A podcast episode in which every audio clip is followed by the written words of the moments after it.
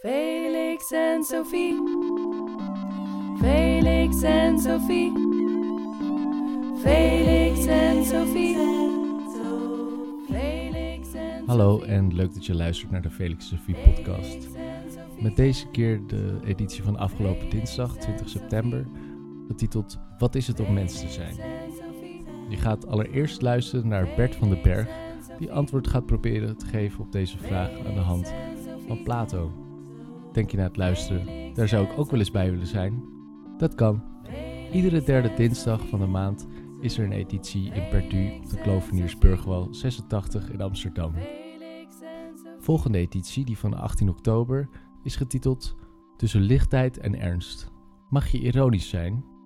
Waarin wordt afgevraagd of ironie en oprechtheid eigenlijk wel aan elkaar tegengesteld zijn. Sprekers op die avond zijn Eva Sancho Rodriguez en Frank Meester. Maar nu eerst ga je luisteren naar Bert van den Berg. Veel luisterplezier.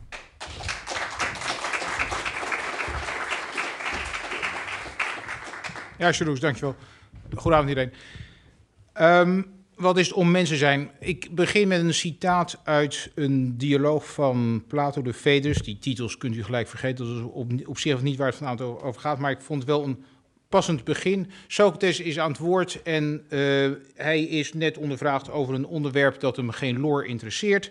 En hij zegt dan, die dingen interesseren me niet, maar mijzelf wel de vraag of ik een eenvoudig of, of ik een of ander woest wezen ben, een complex wezen vol verlangens, of juist een tammer en enkelvoudiger wezen dat deel heeft aan een goddelijke en meer bescheiden natuur.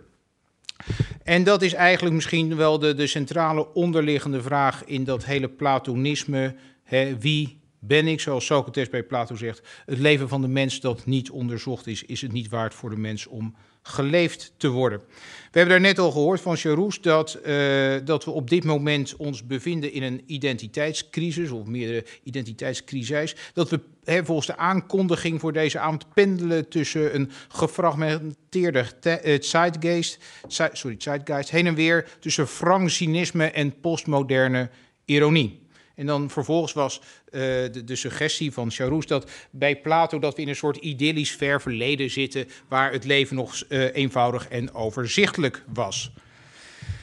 Ja, als het zo simpel was, dan was het mooi, maar zo simpel was het niet. Ik denk dat Plato's filosofie, dat je dat kunt begrijpen juist als een reactie op vormen van crisis in zijn tijd, die op een bepaalde manier misschien ook wel heel modern ogen. Eh, ook in Plato's tijd was er sprake van een frank cynisme uh, en van uh, een, een ja, postmoderne ironie gaat misschien wat ver, maar toch een vorm van ironie, uh, een idee van postmoderne ironie, het, het, idee dat er geen grote waarheid en groot verhaal meer was. En het is juist tegen die achtergrond dat Plato aan het denken wordt gezet. Dus Plato is net zo goed een crisisfilosoof als moderne denkers die zich met een soort vloed aan problemen geconfronteerd zien. En die antieke identiteitscrisis heeft alles te maken met een aantal factoren. Het heeft te maken met een veranderende wereld. Je zou kunnen zeggen dat het Athene waarin Plato opgroeit een wereld is waar sommige dingen instorten, zoals wij dat ook meemaken. Plato wordt geboren op het hoogtepunt van het Atheense imperium, maar dat klettert daarna in elkaar. Hè? En, en ja, dat, dat is iets waarmee, waarmee men zich moet zien te verstaan. Uh, het is ook een wereld waar er een intellectueel discours heeft plaatsgevonden die de oude zekerheden ondermijnd heeft. En dat, dat intellectuele discours is het discours van de sofisten. He, u weet waarschijnlijk wel, die sofisten, dat waren ja, letterlijk he, slimme jongens. Hè, dat is ongeveer wat het woord betekent. Um, en die hadden er een sport van gemaakt om alle traditionele zekerheden te ondergraven. En daar waren ze ook uitermate efficiënt in geweest. Het, het, idee inderdaad dat er geen grote waarheid bestaat. En we zien dat ge, uh, mooi gedemonstreerd aan het be begin van een werk van Plato, dat de meesten van u wel zullen kennen, de staat van Plato. Dat is zoals de titel al een beetje zegt, het gaat over een staatsinrichting, maar het gaat ook over onze, de constitutie van onze ziel en over heel veel meer. En aan het begin van die dialoog raakt Socrates in gesprek met een oude zakenman en zijn zoon. En die oude zakenman die is uh, zo'n beetje aan het eind van zijn leven gekomen. Dat voelt hij ook wel aankomen. En er ontstaat een gesprekje over wat rechtvaardigheid dan wel niet mag zijn. En die zakenman die huldigt een traditionele Griekse opvatting over rechtvaardigheid. Rechtvaardigheid betekent geven wat de ander toekomt. En als je een antieke Griek bent, betekent geven wat een ander toekomt. Betekent vooral dat je je vrienden helpt en je vijanden, of de vijanden van je vrienden, zoveel mogelijk schaadt. Dat was zeg maar in een nutshell de Griekse ethiek geweest die het uh, eeuwenlang heel goed had gedaan. Deze oude meneer die gelooft daar nog best in. Die maakt zich wat dat betreft ook niet druk over het nadere einde. er moeten nog wat rekeningetjes vereffend worden. de, man was ja, een gevierd zakenman, dus misschien niet altijd helemaal even kosher. Dus er, er, moet nog wat hersteld worden, zo links en rechts. Uh, misschien moeten de goden wat gunstig worden gestemd. Maar ik denk, nou goed, dan zijn we er wel. Uh, dat is een beetje ook die ethiek van uh, je, je, vrienden helpen, je vijanden schaden, iedereen geeft wat hem toekomt. En een beetje de ethiek van een stam. Hè. Het is onze clan en die moet je bijstaan. En andere clans die, die schaad je en dan ben je al snel goed bezig. Het probleem is dat in, die, eh, zeg maar, in de tijd van Socrates, dus Plato's leermeester, is, komen daar barsten in. En dat heeft alles te maken met die sofisten. Hè? Die sofisten zeggen, ja, je kunt natuurlijk allemaal wel die, die brave uh, levenswijsheden en visies hebben, hè, maar waarop is dat eigenlijk gebaseerd? is het niet zo dat wat wij vinden dat je dat moet doen, de right thing to do, dat het eigenlijk een kwestie van conventie is? Dat vinden we hier toevallig zo. maar als je weer ergens anders had gestaan, dan had je er anders over gedacht. Dat heeft ook alles te maken met toen ook al de globalisering van de wereld. Die Grieken hadden natuurlijk heel lang toch een beetje eh, op een hoopje geklit in hun eigen stadstaatjes. Maar in het, eh, op een gegeven moment krijgen ze te maken met de expansie van het Perzische Rijk. En er komen allerlei culturen. En ze zien in één keer beginnen ze te zien, zoals het klokje thuis tikt, tikt het elders niet noodzakelijkerwijze. En of dat nou thuis beter tikt dan elders, dat is ook niet helemaal duidelijk. Dus die globalisering leidt ook tot een soort twijfel van ja, wat moeten we met onze ja, vanzelfsprekendheden dat, dat, dat is niet meer zo vanzelfsprekend. En die sofisten die beginnen daar aan te trekken. En die sofisten, en dat gebeurt ook aan het begin van die staat, dan komt daar een sofist op nogal een, woeste figuur. Die komt briesend ineens uit de coulissen gesprongen. En die zegt, ja, wat is dat allemaal voor, voor, voor uh, moralistisch gezwatel? Het is toch volslagen duidelijk dat soort ideeën over ethiek, dat is allemaal gepasseerd en dat, is, dat slaat nergens op. Er is maar één ding wat er is en dat is leven volgens de natuur. En de natuur is er één die voorschrijft dat, uh, ik zou maar zeggen, uh, alles is voor Bassie. Uh, de sterken van de maatschappij hebben het recht en, en wat hem betreft ook de plicht om een zo groot mogelijk deel van de taart te claimen. En dan moet je je niet laten beperken door ethische, moraliserende opvattingen. Hè, want dat weerhoudt je van wat je zou kunnen bereiken en misschien zelfs zou moeten bereiken. Uh, dat was hè, een idee waarvan je zich moet voorstellen dat het eigenlijk best wel veel weerklank vond. Hè. Uh, zeker als je de bovenliggende partij bent, dan denk je, ja, why bother met die, uh, met, met, met die zwakkeren van de maatschappij. Hadden ze maar niet de zwakkeren moeten zijn, hun eigen schuld. Uh, en, dat, en het idee is dan bij Sofist en ook bij deze meneer die hier ineens uit de coulissen dan springt, hè, is dat ze zeggen, ja, maar weet je wel, die ethiek is ook alleen maar bedacht om de sterken in de maatschappij te knechten. Het wordt vergeleken met een leeuw die zich heeft laten wijsmaken, zou ik maar zeggen, dat het eigenlijk een huiskatje is, hè, dat hij niet aan de bank mag krabben, laat staan dat hij de, de kinderen van des huizes mag opvreten. Ja, dat is stom van die leeuw natuurlijk, had hij niet, nooit moeten doen. Dat betekent dat als eenmaal dat gordijn is weggetrokken van, eh, van, uh, die, uh, van die traditionele moraliteit, dat, dat je het feit dat we het altijd zo gedaan hebben en dat we dachten dat het goed is, dat werkt niet meer. En het is tegen deze achtergrond dat je die filosofie van Plato moet begrijpen. Plato wil heel duidelijk de, de, ethiek redden, hè, is, is, wil moraliteit in de maatschappij. Hè, maar snapt ook wel dat je niet meer kan zo zeggen, hè, dat, zo hebben we het altijd gedaan, of met een paar tegeltjes wijsheden kan aankomen, daar is meer voor nodig. En zijn punt in de staat is dit, namelijk dat je eigenlijk jezelf tekort doet door op deze amorele en zelfs immorele wijze te handelen. En dat heeft alles te maken met zijn mensbeeld.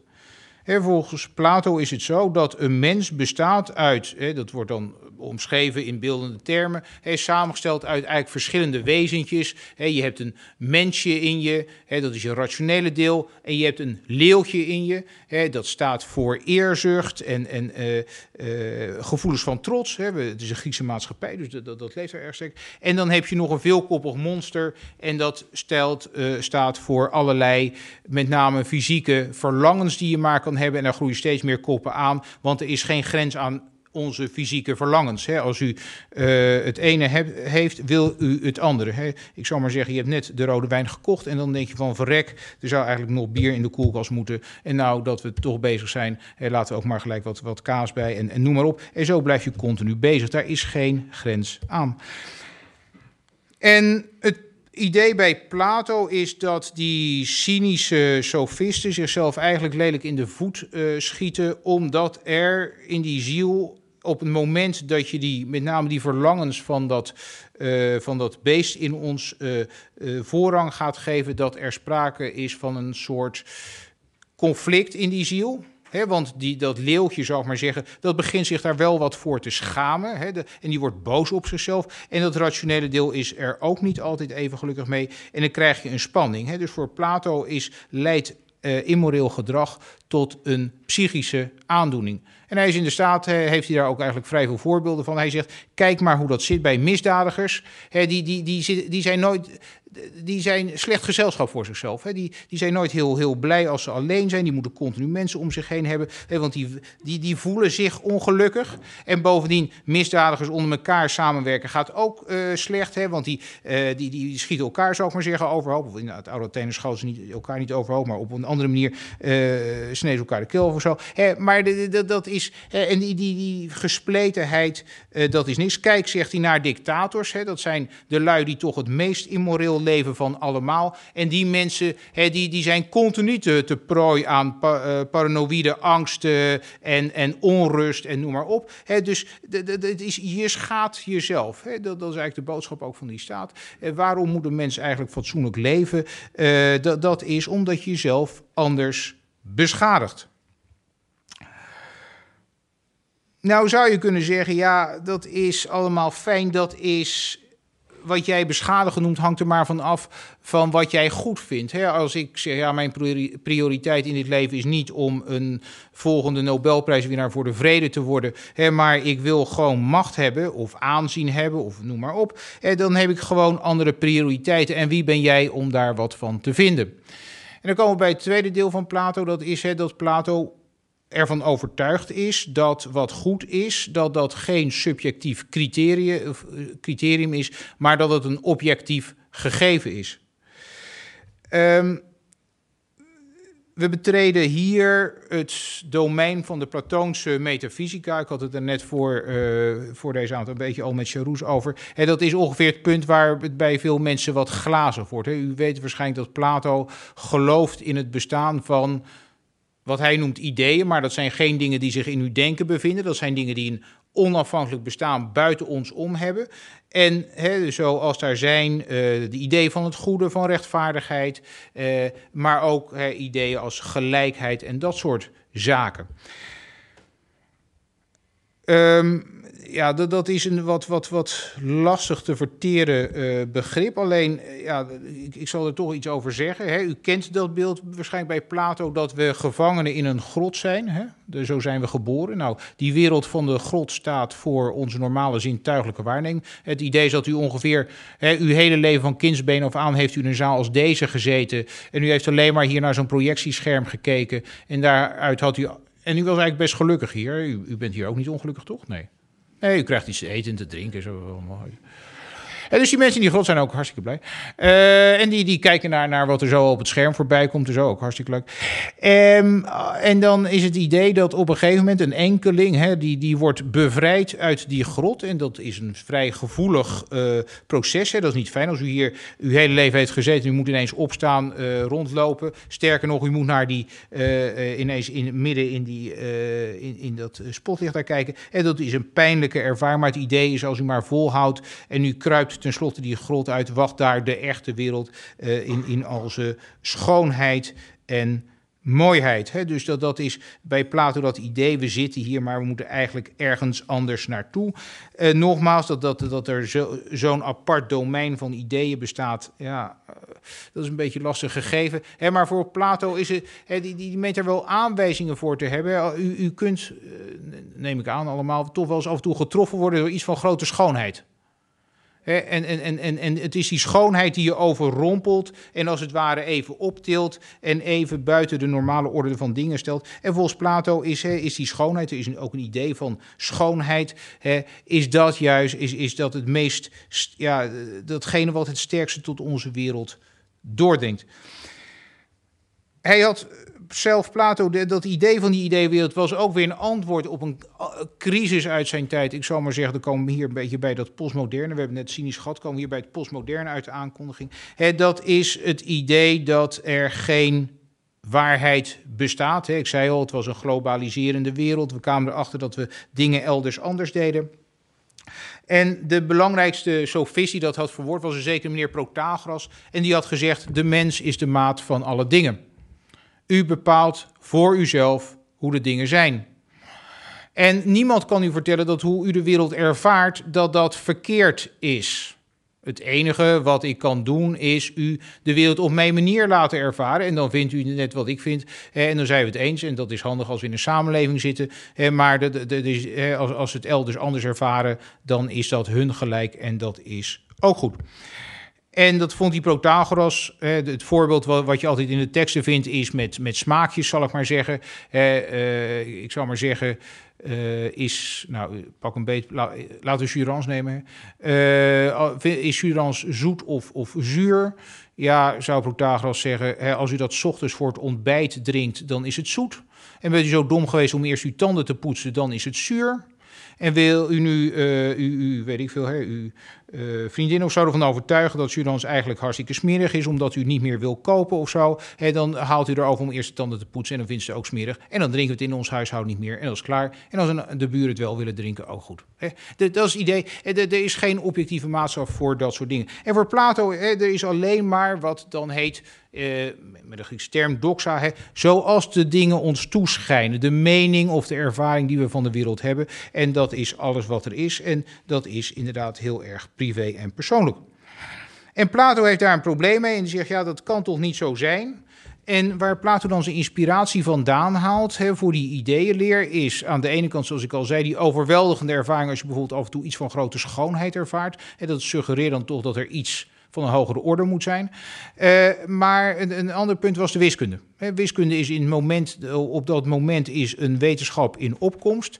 En die wiskundigen hebben op een gegeven moment dan toch bedacht dat allerlei wiskundige formules, dat die eigenlijk toch wel waarschijnlijk een bestaan hebben, los van het feit of we die eh, formule al bedacht hebben of niet. De stelling van Pythagoras, zou ik maar zeggen, eh, die bestond op een bepaalde manier al ver voordat Pythagoras hem ontdekt had. En als ik heel eerlijk ben, Pythagoras had hij niet ontdekt. Dat hadden ze daar verder voor in het eh, nabije oosten gedaan. Maar Pythagoras was zo slim om met de eer te gaan strijken. Maar dat is iets wat eigenlijk onafhankelijk lijkt te bestaan van of wij het bedenken of niet. En Plato probeert dan vervolgens te zeggen, ja, dan zou dat toch eigenlijk ook voor allerlei andere dingen moeten gelden. U weet misschien dat boven de poort van de academie, hè, de school van Plato, stond ook eh, geschreven dat wie geen geometrie had gestudeerd, hoefde daar niet naar binnen te gaan. En Plato op die manier komt tot de overtuiging dat net zo goed als er wiskundige waarheden bestaan, los van of wij ze ontdekken of niet, of wij ze kennen of niet, dat er op die manier ook allerlei andere waarheden moeten bestaan, ook op het ethische vlak. Dat is iets minder gek dan dat het lijkt, hè, omdat voor Plato had je de Pythagoreërs gehad en die associëren getalverhoudingen ook wel degelijk met allerlei eh, ethische noties.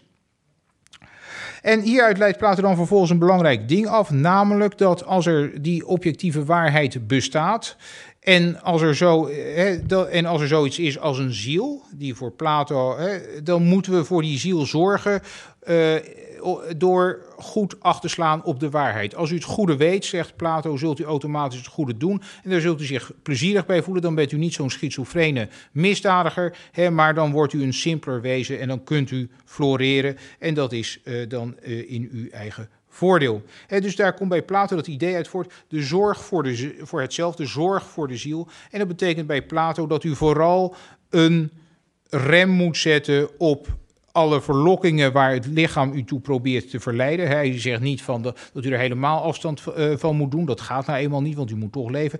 Maar dat u dat eh, in banen moet houden. En dat geldt ook voor het eerzuchtige deel. U moet dat eh, in controle houden. En nu komt het belangrijke bij Plato. Als het zo is dat we een ziel hebben. En als het zo is dat er een objectieve waarheid is. En we moeten voor die ziel zorgen op basis van de kennis van die objectieve waarheid. Dan moet het wel zo zijn dat die ziel verwant is met die objectieve waarheid van de vormen. En volgens Plato volgt daar dan uit dat aangezien de waarheid eeuwig is, de ziel in ieder geval onsterfelijk moet zijn.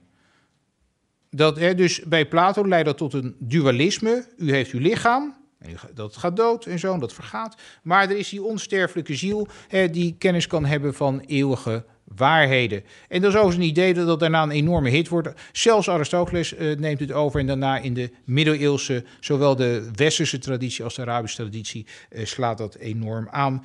Dat, er, dat er iets is als die onsterfelijke ziel waarvoor gezorgd moet worden. Plato heeft het ook weer niet helemaal zelf bedacht. Dat gaat terug tot opnieuw Pythagoras en, en dat soort denkers die het opnieuw weer gejat hebben uit het oosten. Het gaat er dus om dat we die, die, die, eh, die hè, een soort dualisme. Nou goed, dat dualisme, als je dualisme zegt, heb je gelijk een enorme problemen eh, die, die, die ook niet zomaar op te lossen zijn. Hè, maar het is voor Plato duidelijk, er is een ik, die ik valt niet samen met uw fysieke eh, persoonlijkheid. Hè? Dus Het is niet uw lichaam. Het is iets waarvoor je moet zorgen. Het is iets wat betekent dat u kennis moet opdoen van de ware structuur van de dingen. Het is ook eh, iets waar u voor moet zorgen door het zoveel mogelijk te proberen ja, het te reinigen van allerlei impulsen die u van die zoektocht naar waarheid en schoonheid en het goede afhouden. Dat daar zit ook nog wel een dingetje over individualiteit bij, waar we tegenwoordig zoveel over hebben. Eigenlijk voor Plato is het grootste probleem met die individualiteit natuurlijk dat het voor een deel samenhangt met het Platonisme. Plato formuleert het niet helemaal zo, maar in de latere Platoonse traditie wordt dat wel zo gezien. Als wij allemaal zielen zijn, zijn we eigenlijk hartstikke verwant.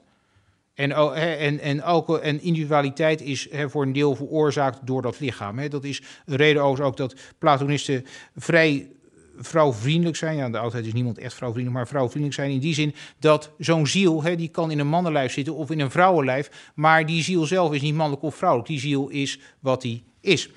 Ja, u zult zeggen, wat, wat moeten we hier nou allemaal mee? Hè? Eh, dat- ja, kunnen we hier nou wat mee? Hè? Nogmaals, die ideeënleer, dat gaat wat ver. Die onsterfelijke ziel gaat ook wat ver. En voor Plato zijn dat echt de twee pilaren waar het hele systeem op draait.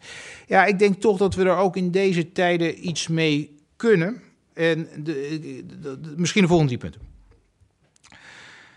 Ten eerste is denk ik een van de interessante dingen aan hoe Plato praat over wat onszelf is, hoe dat zich verhoudt tot het lichaam, dat de vanzelfsprekendheid die we hebben over wie we zijn eh, bevraagd wordt. Eh, en dat is misschien vandaag de dag kan het ook geen kwaad. Eh, we zijn wel heel erg geneigd geraakt om onszelf te reduceren tot een soort fysiek-mechanisch geheel. U kent dat al, die bestseller van een paar jaar geleden. Wij zijn ons brein. Nou, zo simpel is dat niet. Hè? Als je, eh, ik sprak een tijdje terug met een, een, een, een hoogleraar psychologie eh, hier, hier in Utrecht. Eh, of tenminste, ik sprak haar hier in Amsterdam, maar ze werkt in Utrecht. En die zei, ja, weet je wel, iedereen praat... mijn collega's zijn eeuwig en altijd op zoek geweest naar het... De, de, nou, niet eeuwig en altijd, maar de laatste twintig jaar naar het bewustzijn. Hè? Dat is niet helemaal hetzelfde als ziel, maar goed. Het bewustzijn om dat te lokaliseren in de hersenen. Alleen dat gaat niet zo makkelijk. Dat valt eigenlijk vies tegen. Nou, dat leidde bij in haar geval tot een wat, wat, uh, avontuurlijke suggestie dat, dat er misschien toch sprake moest zijn van een soort antieke du dualisme. Hè? Dat, dat, dat ging mij ook wat ver. Maar uh, het is wel interessant hè, dat, dat, dat, dat die kreet, wij zijn ons brein en, en we, zijn, we zijn alleen maar een optelsom van een aantal chemische reacties in dat brein. Dat dat vinden die psychologen, die geen bijzonder filosofisch onderleg zijn, misschien toch wat ver gaat. Dus uh, misschien doen we er verstandig aan om in ieder geval minder uh, vanzelfsprekend te zeggen: ja, wij zijn maar hè, die, uh, die biologische wezens waar hè, die, die, die hormonen en zo hun dingetjes doen en daardoor zijn we wie we zijn. we zijn waarschijnlijk meer dan ons brein. Wat we dan wel zijn is vers 2, maar het feit dat je erover nadenkt kan geen kwaad. Als je bedenkt dat je misschien meer bent dan de optelsom van een aantal chemische processen en je brein, dan vervolgens is natuurlijk weer de vraag hoe een mens dan het beste voor zichzelf dient te zorgen. Want dat is toch de centrale boodschap bij Plato. Hè. U dient dit soort dingen serieus te nemen als een, hè, om voor, hè, als een uh, vorm van zelfzorg. Het is uw eigen belang. En ja, ook daar weer. Kijk, ik zei al, die mensen in die grot. Hè, ik zou maar zeggen, u zoals u hier had gezeten vanaf het begin van uw leven. Hè, u was hier best gelukkig geweest. En je zou daaruit kunnen afleiden dat het misschien uh, genoeg is om, om in dit leven gelukkig te zijn en te floreren. Als u zich maar een beetje comfortabel voelt. Hè? Als u maar niet gedwongen wordt tot een problematische en vervelende zoektocht, die grot uit. Ik zei het al, dat is geen lol. Alleen zo steken wij dan toch niet in elkaar. Hè? Er is een beroemd gedachte-experiment. Uh, uh, uh, van meneer Robert Nozick. en die zegt: Stel je voor dat ik aan u zeg: dat ik, ik heb voor u een soort moderne Platoonse grot. U wordt in een computerprogramma, op een computerprogramma aangeplucht. En is geen naar programma. Hè. U mag precies vertellen wat u wil. Wil u beroemde popster worden met uh, baden vol champagne? Kan dat geregeld worden? Wil u ergens een, een, gelukkige boswachter worden? Of een boswachter in een leuk hutje? Kan allemaal geregeld worden. U hoeft ook niet bang te zijn dat het teken op de stippellijn is en daarna komt het niet goed. Hè. Eén keer in de tien jaar maken we u wakker en dan mag u nog eens kijken of u, of u het nog zo hebben wil. En ja, ik weet niet hoe het bij u is, maar als ik dat aan de meeste van mijn studenten vertel, als ik dat aan een zaal studenten vraag, zeg ja, wie wil nou die, hè, die ervaringsmachine in? Hè? Want we zijn toch alleen maar ons brein. En als, hè, als dat nou een beetje die leuke prikkels heeft, die leuke illusies, is toch goed. Er zijn toch mensen over het algemeen niet heel erg geneigd om de hand op te steken. En we willen toch iets als waarheid en dat soort zaken. Of iets wat echt is, authentieks. Hè? Want je kan allerlei dingen meemaken in die experience machine. Hè? Maar dat is dan niet, niet echt. Dus hè, misschien vinden we wel meer dan belangrijk dan alleen maar een soort van comfortabel sluimer bestaan, zou ik maar zeggen. Misschien zijn dingen als waarheid en authenticiteit zijn dingen waar we toch aan hechten. En ten derde, en dat is misschien de, de, de meest gewaagde suggestie, is dat uh, dat dat idee van Plato dat hè, wij een ziel zijn die een, een bepaalde relatie heeft tot iets hogers, waarmee we dus ook iets, een glimp van goddelijkheid hebben. Hè. Ik verwees er ook al naar, naar dat uh, citaat aan het begin. Dat, dat dat misschien ook de moeite waard is om serieus te nemen. Ik bedoel daar niet speciaal iets zweverigs mee, hè, maar uh, we leven in een tijd waar, waar we zeggen, ja, het is het individu en dat is losgezongen. Uh, maar er is toch een, een, grote behoefte aan een vorm van spiritualiteit waar mensen een bepaalde verbinding met een groter geheel proberen te ervaren.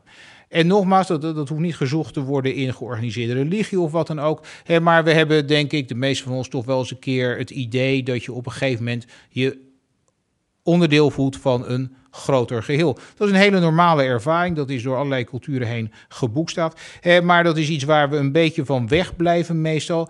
Eh, alleen ik moet zeggen, toen ik met diezelfde psycholoog sprak, uh, die, waar ik net al naar verwees, die zei ja, het is opvallend. We hebben, of men, eh, psychologen hebben onderzoek gedaan naar wat nou mensen gelukkig maakt. En natuurlijk, hè, mensen moeten een beetje een natje en droogje hebben en een beetje een zinvol bestaan en, en hè, dat soort dingen. Allemaal tot je dienst.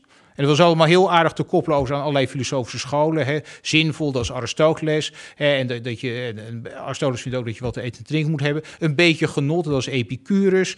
Eh, en, en dat is, nee, maar die psychologen die waren eigenlijk heel blij met, met die moderne antieke filosofen. Hè, maar er was één ding, en, en toen was aan allerlei mensen gevraagd van, ja, waar wordt u nu gelukkig van? Hè, dus die mensen konden zelf rapporteren.